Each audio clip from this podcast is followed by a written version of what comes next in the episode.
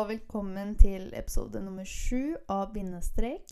Mitt navn er Aya, og i dag skal vi snakke litt om mensen, blod og faenskap. Først og fremst vil jeg bare si litt om denne episoden. Eh, ironisk nok så har jeg spilt inn denne episoden ca. tre ganger nå. Men alle gangene så har jeg slitt med å gjennomføre pga. noen bivirkninger som jeg skal nevne litt seinere i denne episoden. Derfor så kommer den her litt seinere ut på uka enn det jeg vanligvis pleier. Men jeg skal komme litt mer innpå bivirkningene som har ironisk nok påvirka denne videoen, da. Men la oss bare hoppe rett inn i det. Eh, mensen det er vi godt kjent med. Det er alle som er født med en vulva. Altså det ytre kjønnsorganet til alle de som er født biologisk kvinner, da. Du starter å blø. Det, det, altså, du begynner å blø på en viss alder. I gjennomsnitt ca. 13-årsalderen. Men allerede her så er det noe vi unngår å snakke om. Vanligvis så er vi forskjellige. Det har vi snakka om tidligere, og det kommer vi til å fortsette å snakke om nå. 13 år det er bare en gjennomsnittsalder. Det er veldig mange som får mensen før, og det er veldig mange som får mensen etter. Så 13-årsalderen er ikke en fasit, men i snitt så er det da 13 år. Men det glemmer vi å snakke om, og som unge jenter så sammenligner vi oss selv med de andre biologisk fødte jentene i klassen. Og begynner å eh, snakke med hverandre om sånt, da. Kanskje rundt 12-13-årsalderen. Det er de som får det før alle andre, føler på det. Fordi kroppen deres forandrer seg. Og ingen andres kropp gjør det. I hvert fall ikke de vennene deres. Når du er 12 og 13, så har du andre jentevenner du sammenligner deg med, dessverre. Og når de ikke går gjennom den samme forandringen som deg, så begynner du å tenke og lure litt på hvorfor det her skjer deg og ikke noen andre. Men det er viktig å tenke på og huske på, uansett alder og uansett om du har mensen eller ikke. Det er veldig viktig å huske på at vi er alle forskjellige, og at kroppene våre utvikler seg på forskjellige tidsperioder. Altså, noen kan være fullt utvokst og ferdig utvikla på en viss alder, mens andre kan vente flere år før de er på samme stadie. Så det, det er ikke noen fasit på hvordan kroppen din vokser, eller når den skal vokse. Så det er, det er veldig viktig å huske på. Selv om du begynner å få bryst før alle andre, så er det viktig å huske på at dette er en normal prosess og naturlig prosess som kommer til å skje alle. Og så er det de som får mensen mye lenger etter alle andre. Og da, da, er det snakk om kanskje et år eller to, eller rundt 13-årsalderen, da. Så kanskje du får det når du er 15, da. Og så har alle andre rundt deg fått mensen. Og så føler du deg litt mindre enn alle andre, fordi du ikke har de brystene og ikke de formene som alle andre jentene i klassen har. Og det, det kan være like ensomt og rart som det å få det først. Så det må vi bare huske på å ha i bakhodet, at uh, alle er forskjellige, og kroppene våre utvikler seg forskjellig avhengig av kroppen. Uansett mensen. I snitt så har man mensen ca. én gang i måneden. Og mensen varer da i tre til sju dager om gangen. Men så igjen, det varierer fra person til person. Noen kan ha mensen F.eks. to til tre dager, mens andre kan ha mensen i sju eller åtte eller ni, eller i verste fall ti dager. Og helt i starten, når du først får mensen, så kommer det til å være uregelmessig helt fram til ca. 20-årene, hvor det begynner å stabilisere seg. Eh, med mensen så følger det det vi fleste av oss kjenner, og hva skal jeg si, vår kjære companion med mensen, det er mensensmerter. Mensensmerter kan være kramper i nederste delen av magen. Det kan være smerter i korsryggen, lenger ned på beina, og i noen tilfeller kan det være kvalme, spy og hodepine. Jeg personlig har opplevd my fair share of uh, mensensmerter. Da jeg først fikk mensen, så hadde jeg så ekstreme vonde mensensmerter nederst i magen, altså ved livmora, og ned mot beina spesielt. Men de magesmertene var så ekstreme at jeg i starten måtte sove første dag fordi jeg hadde så vondt, og jeg måtte sove med en varmepute. Og noen ganger så er det helt jævlig, men hvis det blir for ille at det faktisk påvirker hverdagen din og påvirker livskvaliteten din, så er du nødt til å ta kontakt med en lege og få snakka ut om disse vondtene og smertene og hvor vondt du har det, og hvor vondt du opplever det. For noen ganger så er ikke det vanlig, og da trenger du medisinsk hjelp. Og selv når du har, når du har vanlige mensensmerter og det er ekstremt, så kan du få prevensjonsmidler selv om du ikke har begynt å ha sex ennå. Men de prevensjonsmidlene hjelper mot mensensmertene og kan, i, hvis du vil, stoppe mensen på en kontrollert måte. Ok, Så når det gjelder prevensjonsmidler, så deles det i to kategorier. Vi har det vi kaller for kombinasjonspreparater. Det er eh, prevensjonsmidler med både østrogen og gestagen. Det er hormoner. Og de eh, hindrer eggløsning. Av de prevensjonsmidlene så kan du velge mellom p-piller, p-plaster og p-ring. Eh, det gjør at du får mensen eh, på, til en kontrollert tid. Så du kan bestemme om du vil hoppe over en pille, f.eks og få mensen som vanlig i en uke, så kan du begynne på pillene igjen.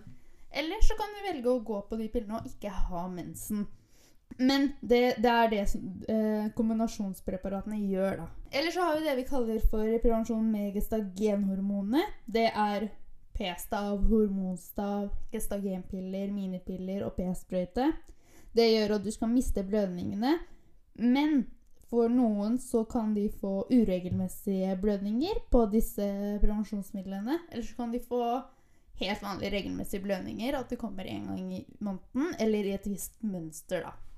Men Å, du gjetta det. Igjen, det varierer fra person til person. Jeg, for eksempel, la meg trekke inn enda en historie her. Jeg har en p-stav i armen. Men den p-staven stoppa ikke mensen for min del. Jeg hadde mensen, og jeg hadde mensen i tre måneder etter at jeg satt inn staven. Men så stoppa det. Eller så gikk jeg en måned eller to eh, etter at jeg satt inn staven uten mensen. Men så fikk jeg mensen igjen, og i tre måneder. Jeg bare, herregud, det er sånn ikke en dritt. Så holdt jeg sånn på i kanskje et og et halvt år, så kontakta jeg legen. Og da fikk jeg p-piller til å gå på, i tillegg til p-staven. Disse p-pillene gjorde at jeg da mista mensen.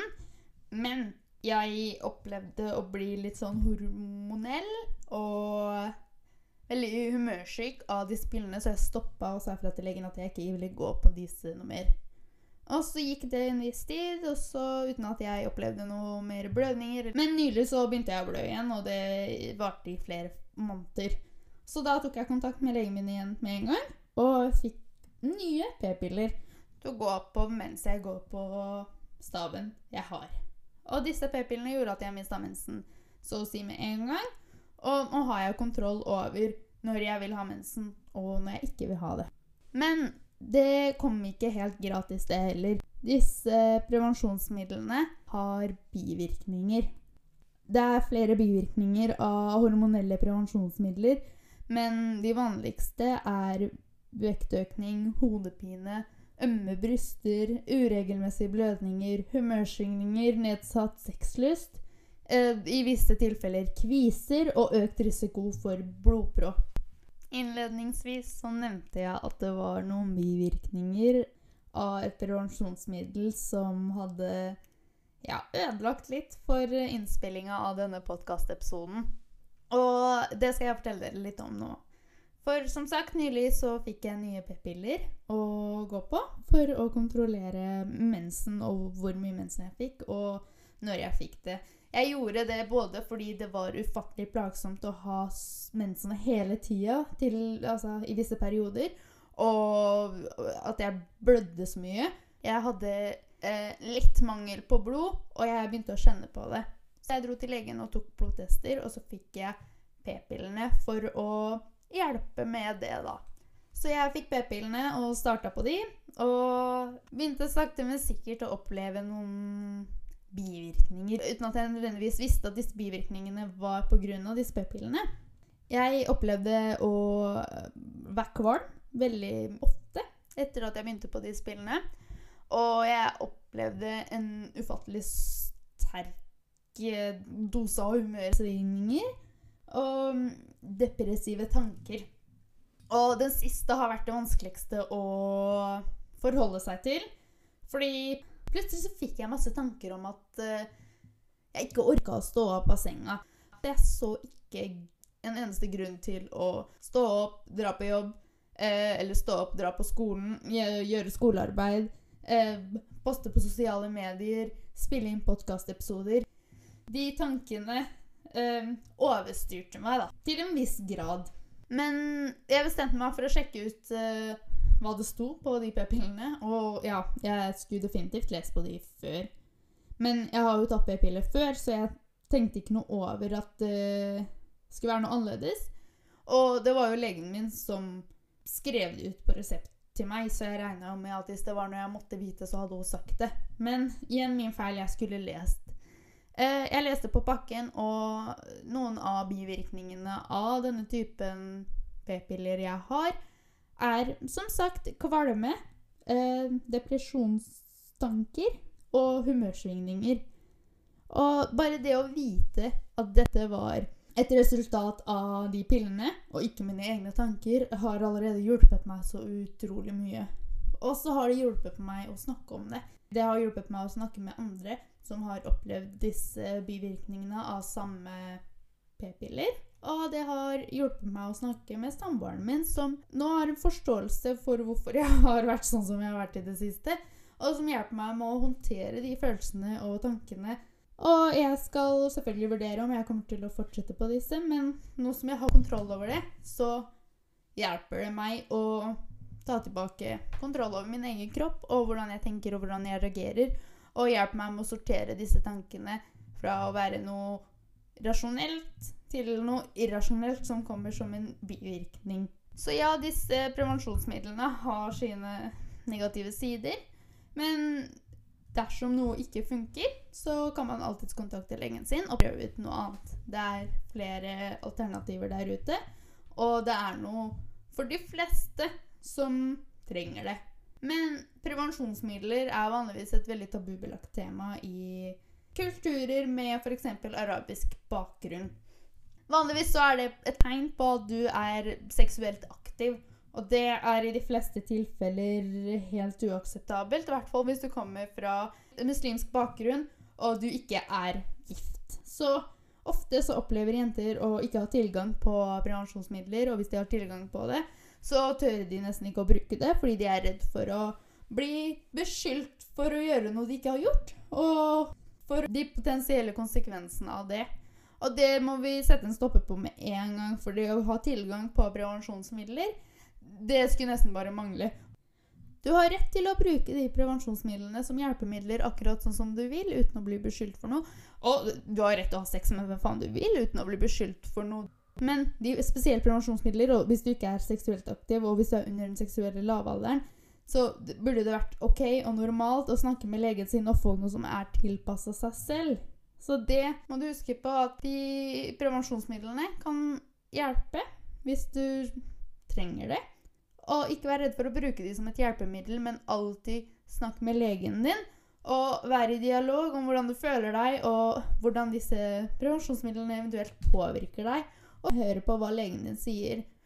Når det gjelder mensen, så er det også tabu over det du bruker når du har mensen. Vi har jo selvfølgelig bind, det brukes av de fleste, men så har vi jo tamponger.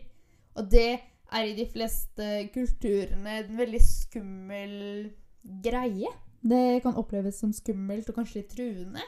Og kanskje uakseptabelt i noen tilfeller. Det å ta en tampong og så føre den opp i skjeden Eh, mange tror at de sprekker jomfruhinnen. Det har vi allerede etablert. At det går ikke. Det er helt umulig, for du har ikke noe som heter en jomfruhinne.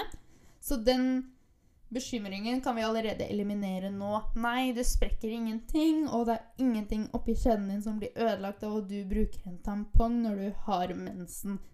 Så det, det bør være helt greit og helt normalt. Og hvis noen forteller deg at du, ikke skal bruke tamponger for å ikke sprekke en jomfruhinne, så kan du allerede fortelle dem at eh, Nei, men du, det er ikke mulig.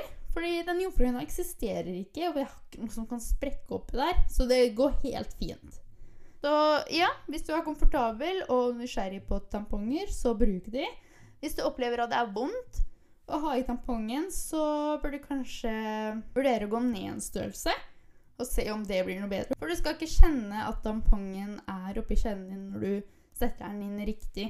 Men hvis det fortsetter å gjøre vondt, så selvfølgelig kontakt helsepersonell og kontakt legen din. Og dobbeltsjekk at alt er greit, for det kan hende i veldig få tilfeller at kjedekransen din er tett.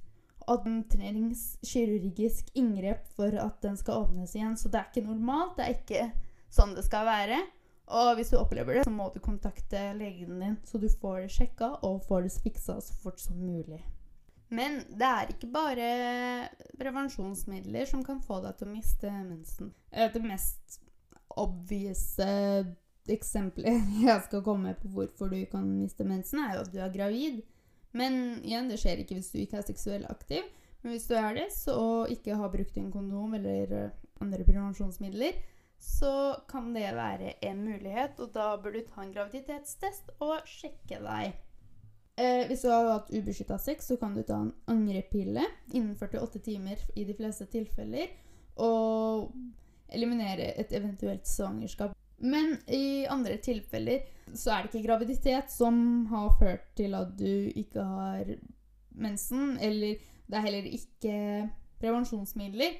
Men det kan faktisk oppstå dersom du er i en periode hvor du opplever ekstremt mye stress, f.eks. Det påvirker kroppen din og gjør at i noen tilfeller så kan man miste mensen. Eh, det at du begynner plutselig å trene ekstremt hardt og ekstremt mye, det kommer som et sjokk for kroppen din og kan igjen føre til at du mister mensen som et resultat av det. Og hvis du f.eks. spiser utrolig dårlig, eller i verste fall går gjennom en spiseforstyrrelse, men ekstreme forandringer i spisemønsteret ditt der hvor du spiser mye mindre, kan påvirke kroppen din til å miste mensen. Så vær obs på det, og vær klar over at det kan skje. Og følg med på mønstrene dine om det er noe som plutselig endrer seg, og du opplever en stor forandring, mye stress, så kan det være viktig å være oppmerksom på hvordan kroppen din reagerer til det. Og at hvis du mister mensen, så er det et tegn på at noe er galt. Dersom du opplever noe sånt, så igjen kontakt helsepersonell. Det skader aldri å være på den sikre sida. Snakk med helsesøster, dra på helsestasjonen eller kontakt fastlegen din. Og, og dobbeltsjekk at uh, du har det bra. For til syvende og sist så har du bare én kropp, og den sender deg signaler hele tida og forteller deg hvordan den har det. Så du må høre på den, og du må være klar over hvorfor ting kan skje. Og hva du kan gjøre for å hjelpe din egen kropp. For den er din. Det er du som bestemmer over den, men det er også du som må ta vare på den. Tusen takk for at eh, du hørte på denne ukas litt seine podkastepisode. Jeg kjenner at eh, det presset jeg har lagt på meg sjøl, eh, må tas litt av, og jeg må ta det her litt roligere. Og legge ut eh, en gang i uka, men kanskje helt uten å bestemme akkurat hvilken dag og klokkeslett som jeg har gjort tidligere. Men kanskje prøve å holde meg til en deadline. Og hvis jeg ikke når den, så er det greit. Jeg tar det på et senere tidspunkt. Jeg håper det er greit for dere, for jeg skjønner at det er det som føles riktig for meg nå. For at uh, jeg ikke skal påføre meg sjøl mer stress enn jeg trenger. Og igjen, tusen takk for at dere hørte på. Jeg håper det her var nyttig og lærerikt. Og at jeg til slutt kom i mål og produserte noe bra jeg håper dere syns det her var gøy. Lærte noe. Takk for at dere hørte på. Så ses vi neste uke.